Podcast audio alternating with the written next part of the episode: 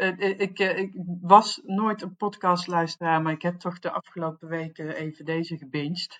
dat uh, bevalt me wel eigenlijk, dus wie weet.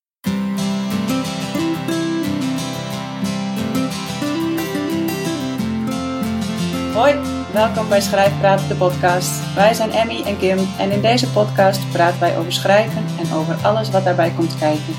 We spreken boeiende gasten, behandelen interessante onderwerpen en we drinken thee en koffie.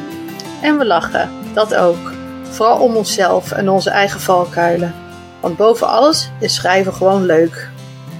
Even een kleine disclaimer. Omdat wij de podcast op afstand, dus online opnemen, is de geluidskwaliteit niet van studioniveau. Maar hey, het gaat om de inhoud, toch? Hoi, welkom bij weer een nieuwe aflevering van Schrijfpraat. En vandaag zeg ik goedemorgen tegen Kim, maar ik zeg ook goedemorgen tegen Lieke. Goedemorgen. Goedemorgen. goedemorgen.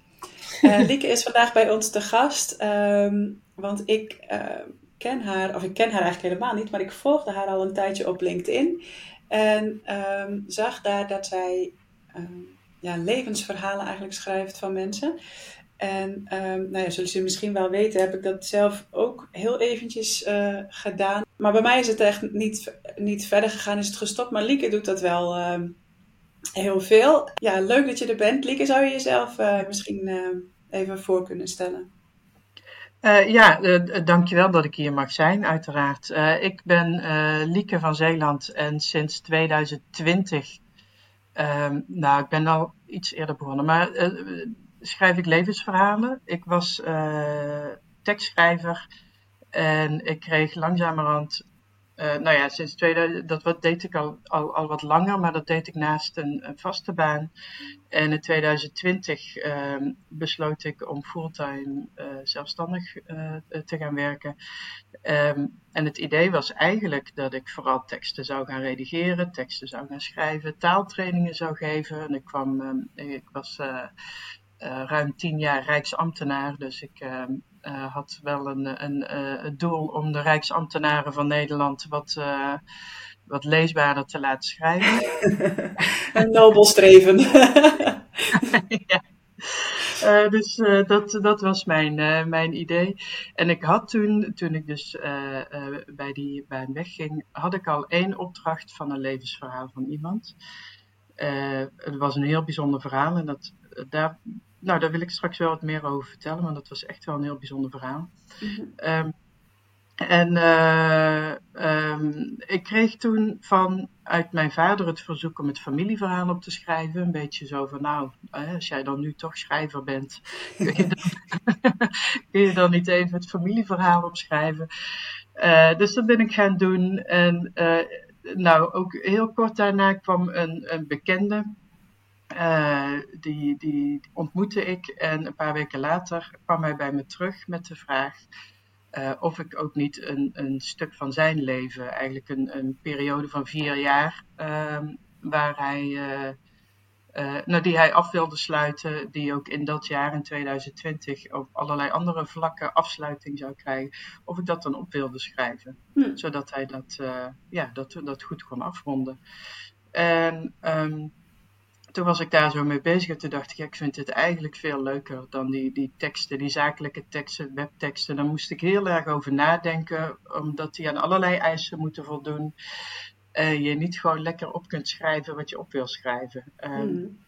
Dus, uh, nou ja, langzamerhand is dat dus, ben ik me daar dus veel meer op gaan richten.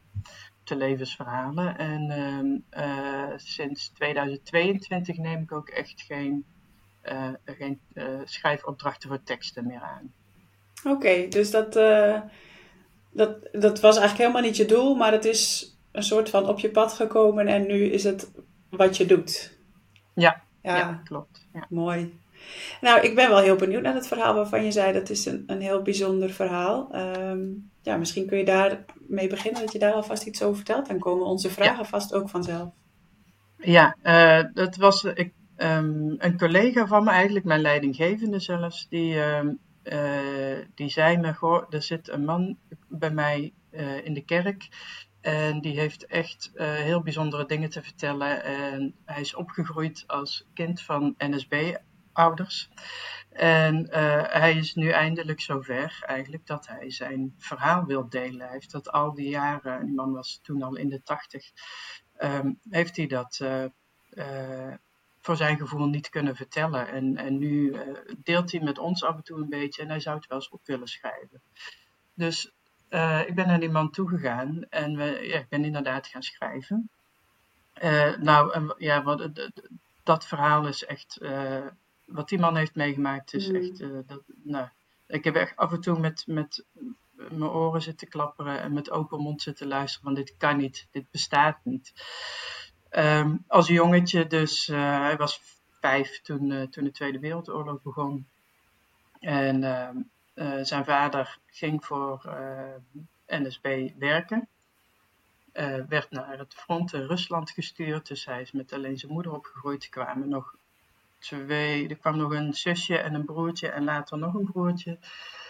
En aan het einde van de oorlog, en toen was hij nog geen tien jaar oud, werd hij ehm, eh, met een groep andere tienjarigen, 19, 11-jarigen ongeveer, uh, op reis gestuurd. Want die jeugd die moest zeg maar veiliggesteld worden voor, uh, ja, voor als de NSB of voor als Hitler toch weer een, een, toch een eigen rijk zou krijgen.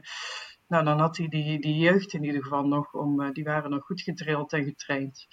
En die heeft een hele reis moeten maken, te voet uiteindelijk, door gebieden die, waar mensen waren, aan eh, palen waren opgeknoopt en, eh, en oh. uh, vermoord. En, en in, in een hospitaaltrein is hij nog terechtgekomen die gestrand was waar, bij een station waar, uh, waar de Russen het hadden overgenomen en de artsen en verpleegsters die nog aanwezig waren onder schot hielden. En daar hebben ze nog een paar nachten gebivakkeerd nou ja, echt, het is on, ja, onbe, onbeschrijfelijk bijna. Mhm. Ehm, maar het was zo mooi dat uh, hij zijn verhaal mocht vertellen aan mij. Um, sowieso dat hij het mocht vertellen en dat ik het te horen kreeg. Dat vond ik echt ontzettend bijzonder. Um, dat was eigenlijk voor het eerst dat hij dat verhaal in zijn geheel vertelde. En ja, dat was dan aan mij. En ik moest dat dan op papier zetten. En uh, uh, ja, dat, dat, uh, dat vond ik echt heel, heel mooi. Ja. ja, maar ik heb daar ook wel een vraag over. Want ik denk, hoe ga je in godsnaam van zo'n verhaal een, een leesbaar document maken? Dat, je, dat het ook, want ik weet niet of hij het bedoelde ook voor anderen om te lezen, maar nou, misschien in ieder geval voor familie. Eh, dat, het, dat het ook ja, lekker leest voor iemand die, die het niet zelf heeft meegemaakt. Hoe, hoe maak je daar een verhaal van?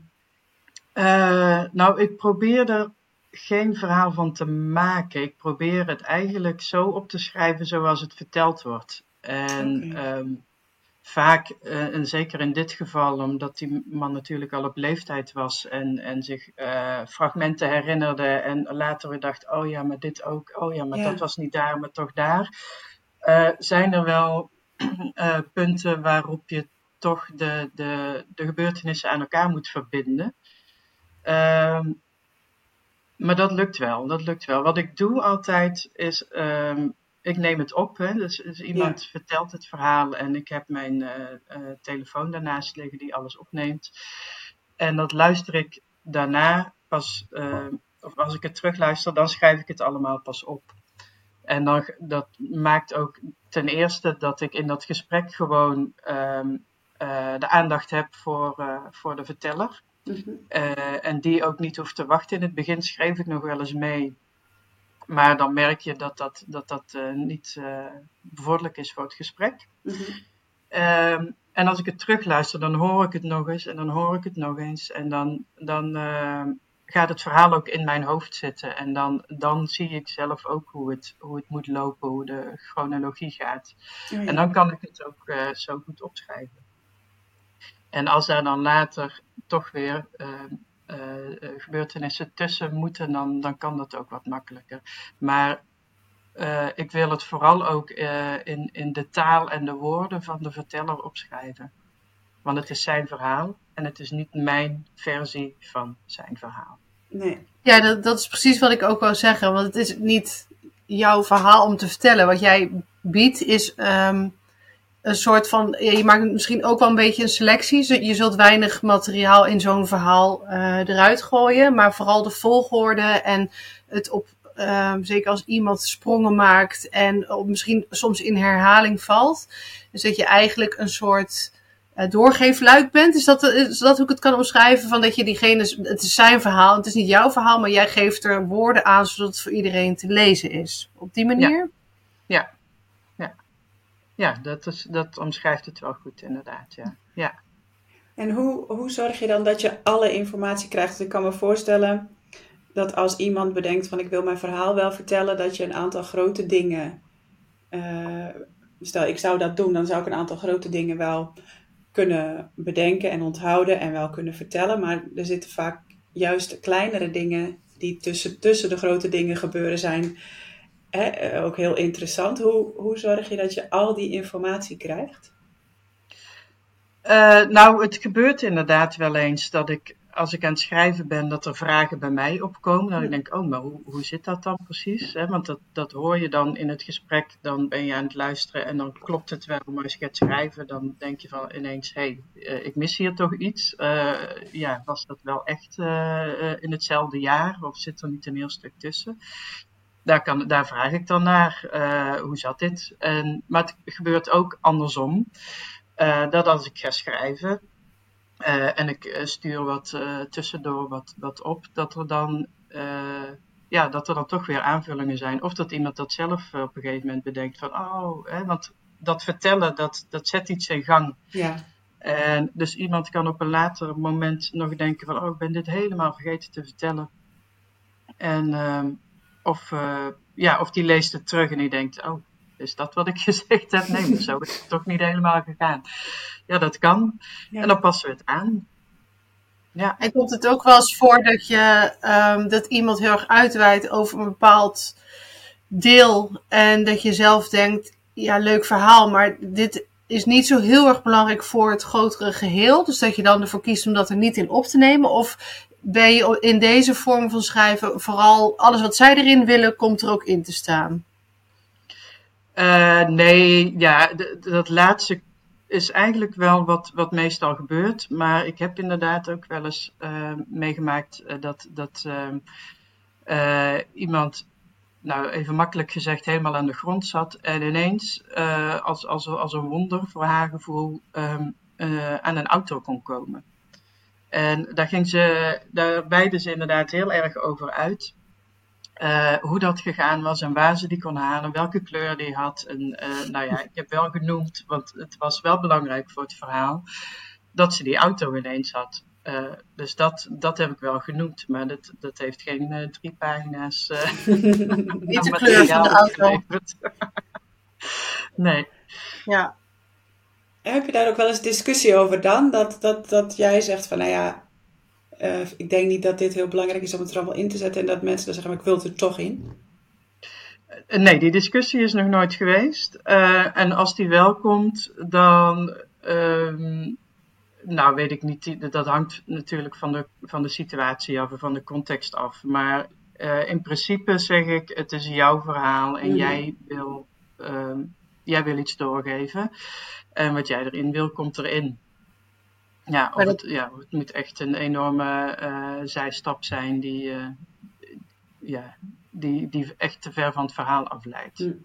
Ik denk dat dat ook heel erg bepaald wordt door uh, het doel van het verhaal. Want als je gewoon een soort naslagwerk voor jezelf of, voor je familie, als je er eenmaal niet meer bent, hebt, dan mag je natuurlijk helemaal kiezen wat je daar zelf in uh, zet. Dan kun je zelfs dingen verzinnen als je dat zou willen. Terwijl als je zo'n, als je je biografie zou willen opschrijven om het um, naar een uitgever te sturen, of als, als interessant leesboek voor mensen die jou ook niet kennen dan komt er denk ik iets meer de, de selectie van de, degene die jou helpt uh, bij kijken. Ja. ja. maar ook dat is, uh, heb ik uh, nog niet aan de hand gehad eigenlijk. ik schrijf, of de mensen voor wie ik schrijf, die, die hebben niet als doel dat het in de boekwinkel komt. Mm. Die, dus niet voor de verkoops inderdaad.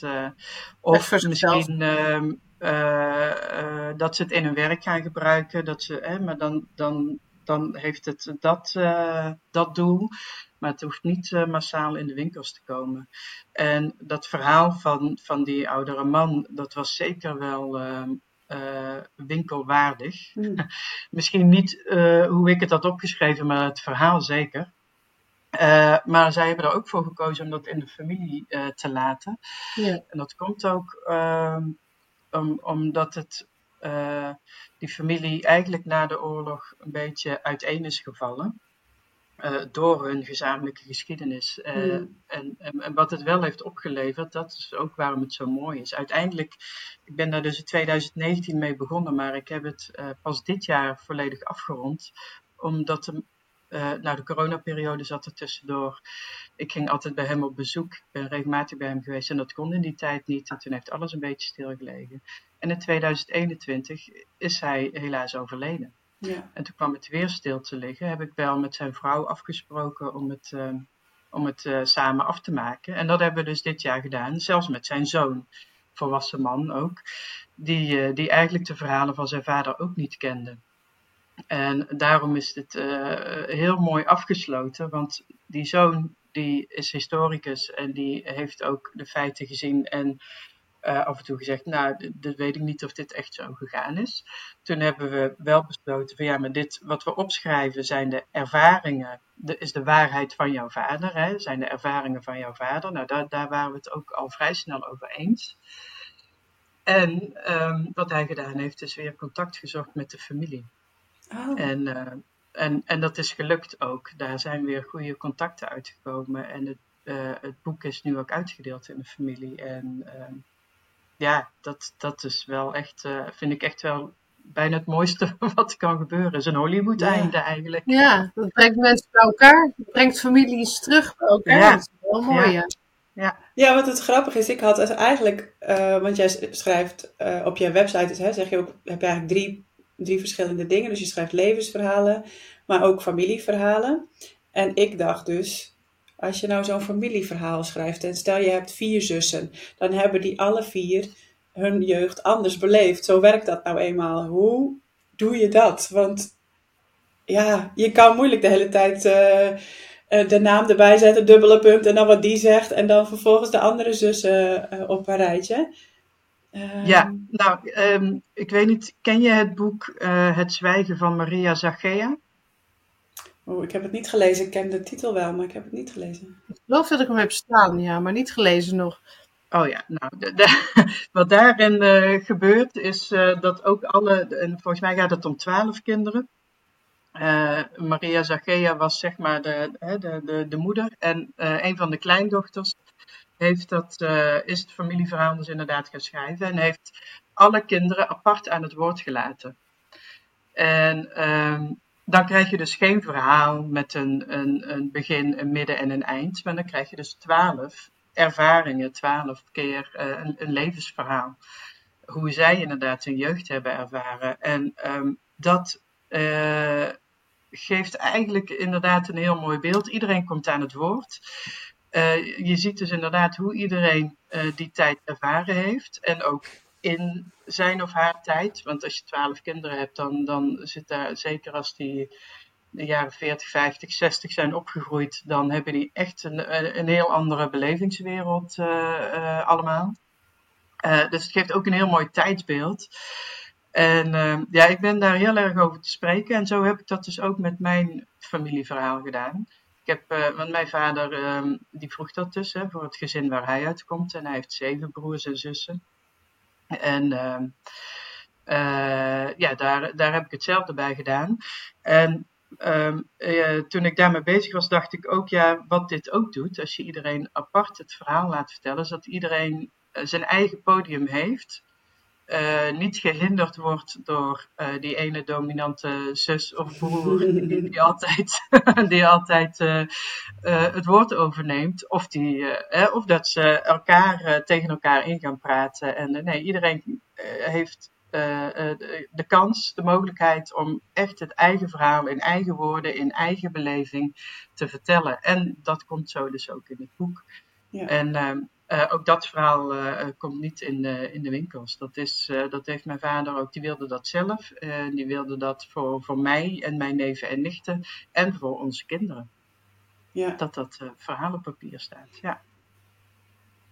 Ik vind dat wel echt heel mooie ontwikkeling. Dat mensen inmiddels ook weten van we kunnen ook voor onszelf schrijven en voor de familie. En het hoeft niet per se in de winkel te liggen.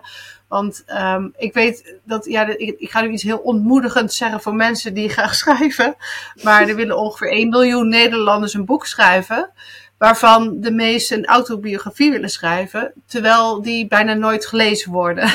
dus het is een soort mismatch op de markt. Um, maar ik denk dat het een heel mooi gegeven is dat als je denkt van ja, ik heb een goed verhaal om op te schrijven. En ik, al is het alleen maar voor jezelf, maar je komt niet helemaal uit je woorden. En je neemt iemand zoals, je gaat samenwerken met iemand zoals jij. En uh, dat het ook ja, heel waardevol kan zijn om het gewoon voor jezelf op te schrijven. En dat het niet per se in de winkel hoeft te liggen om de moeite waard te zijn. Nee, nee, zeker niet. Nee, um, zeker als het om een familieverhaal gaat en, en uh, je loopt al een tijdje met dat idee en je weet niet of je het moet doen doe het. Want ik heb het zo uh, leuk gevonden om, om de verhalen van mijn ooms en tantes te horen. Ik kende de, de, de, de verhalen van mijn vader, van zijn kant. Hè, uit, uit zijn, uh, hoe hij het heeft meegemaakt. En uh, de anekdotes die hij altijd vertelde. Maar ik heb nooit natuurlijk het geheel gehoord. Uh, en dat was, uh, ja, dat is echt zo, uh, dat heeft me zoveel opgeleverd gewoon, persoonlijk. Dat was zo leuk om, om te horen allemaal en om, dat, om, die, om die fragmenten samen te laten vallen. Ja, het dus, is, ja. het is bijna een soort fotoalbum voor de geest. Het is een soort ja. herinneringen van jezelf, maar ook herinneringen waar je natuurlijk nog niet bij was toen je er nog niet was. En ja. Ik, ik weet dat ik ooit heb ik aan mijn vader gevraagd om, om uh, dingen op te schrijven van wat was je eerste gedachte toen ik geboren werd. En uh, dat soort vragen, van, van, echt van die naslagwerkvragen. En hij was zo perfectionistisch dat hij eerst goed wilde leren typen.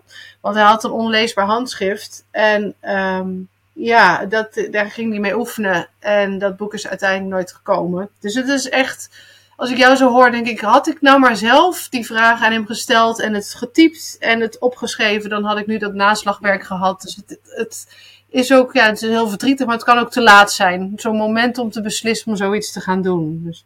Ja. Ja, ja, dat is ook zo. Uh, nou, we hebben tegenwoordig ook nog de mogelijkheid om het gewoon in te spreken. Hè? En dat, ja. kan voor mensen ook heel uh, veel prettiger werken. Zeker, ja. Oh ja, dat is ook een goede, ja.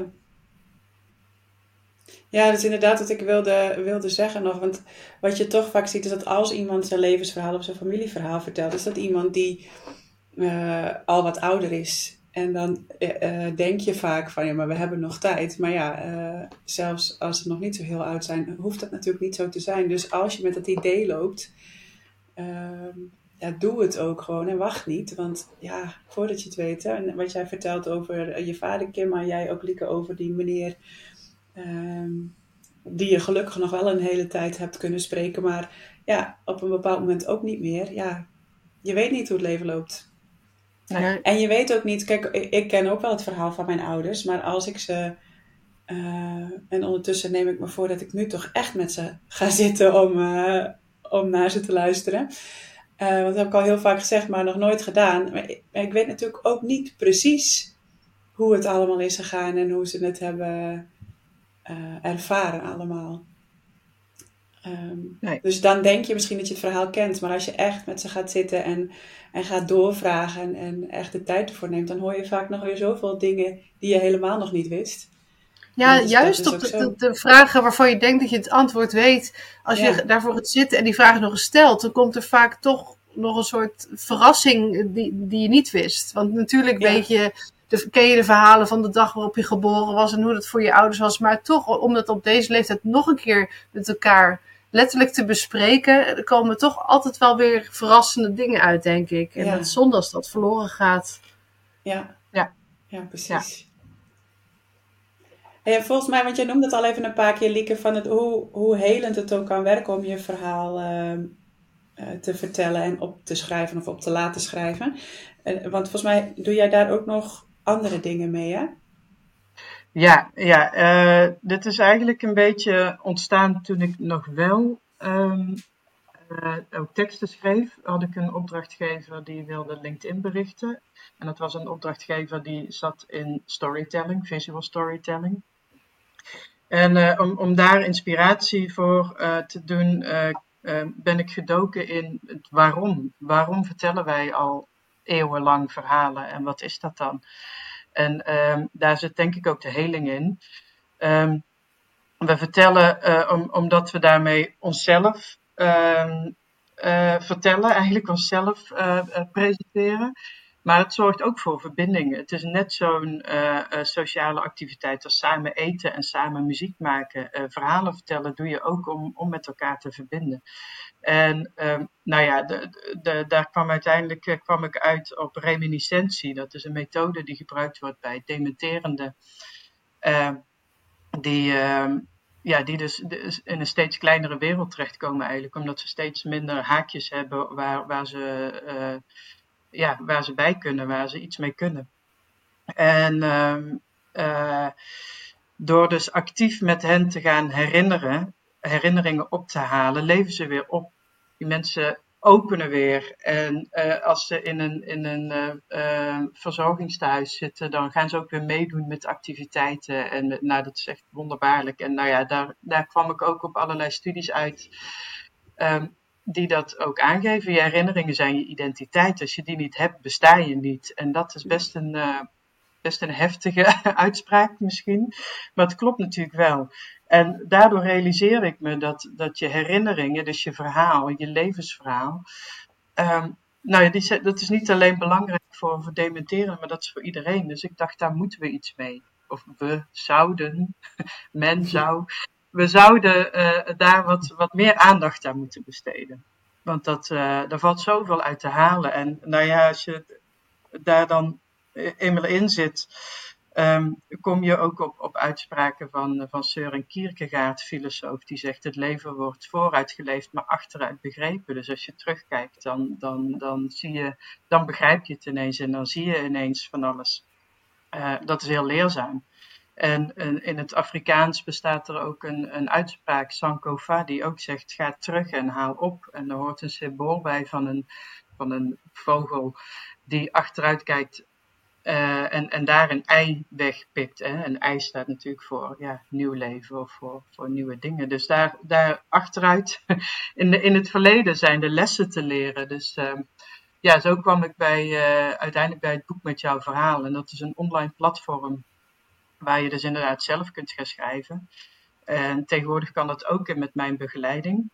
en dan ehm, daar ga je inderdaad door je leven heen. Door in fases van zeven jaar schrijf je een aantal herinneringen op waar je ook de emoties bij benoemt die je erbij had. Omdat daar ook heel veel in te leren is.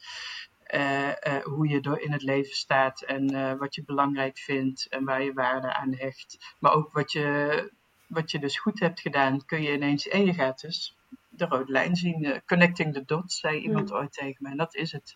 Het is, het is als, een, als een punttekening van, je, van jezelf die je door over jezelf te gaan schrijven eigenlijk uh, ja, afmaakt. Van, van 1 naar 2 naar 3 enzovoort. Uh, en uh, ja, de, de, dat kun je dus zelf doen. En met mijn begeleiding daarbij geef ik je terug eigenlijk wat je, wat je vertelt. Dus een, ik hou je spiegel voor en ik stel je af en toe wat vragen. Ik laat ook af en toe het juist van een, je, je, ja, alles van een andere kant uh, probeer ik je alles van een andere kant te laten bekijken.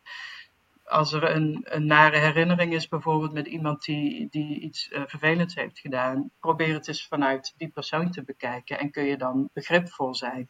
En haalt dat de rauwe randjes van die, van die nare herinnering af.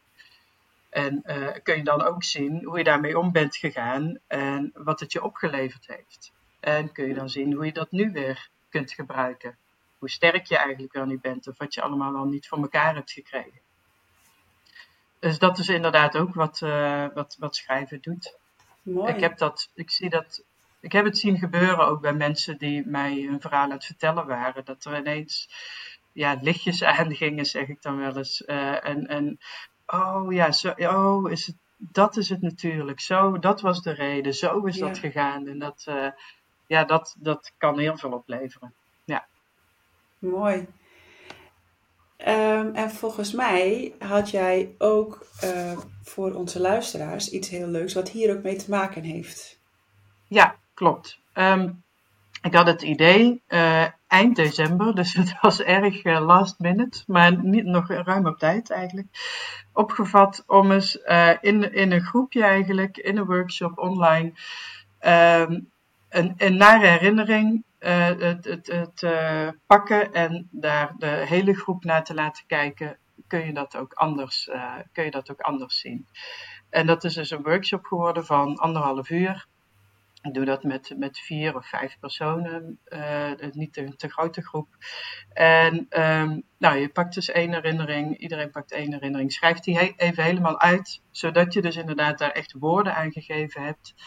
Eh, want die geven de betekenis, die, die, daarmee geef je waarde eigenlijk voor jezelf aan die herinnering.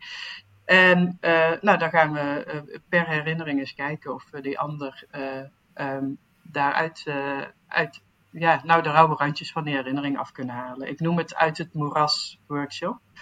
Eh, want je hebt eh, in, in mijn verbeelding heb je in je hoofd een moeras met stinkende, nare herinneringen. en, eh, en een mooie vijver met vlindertjes en lelies voor de mooie herinneringen. En die nare herinneringen in dat moeras, die, die grijpen je bij je enkel. Ze willen jou steeds dat moeras weer intrekken. Terwijl er ook een andere kant zit aan die herinnering. Met die vlindertjes en die lelies. En die, die kant, die, die is er. En ehm, daar mag je net zoveel aandacht voor hebben.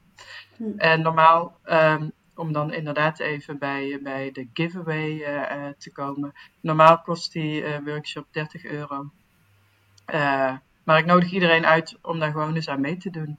Hij is in januari, elke week een keer, en eind februari een speciale editie. ehm, eh, op 29 februari, een schrikkeljaar-editie.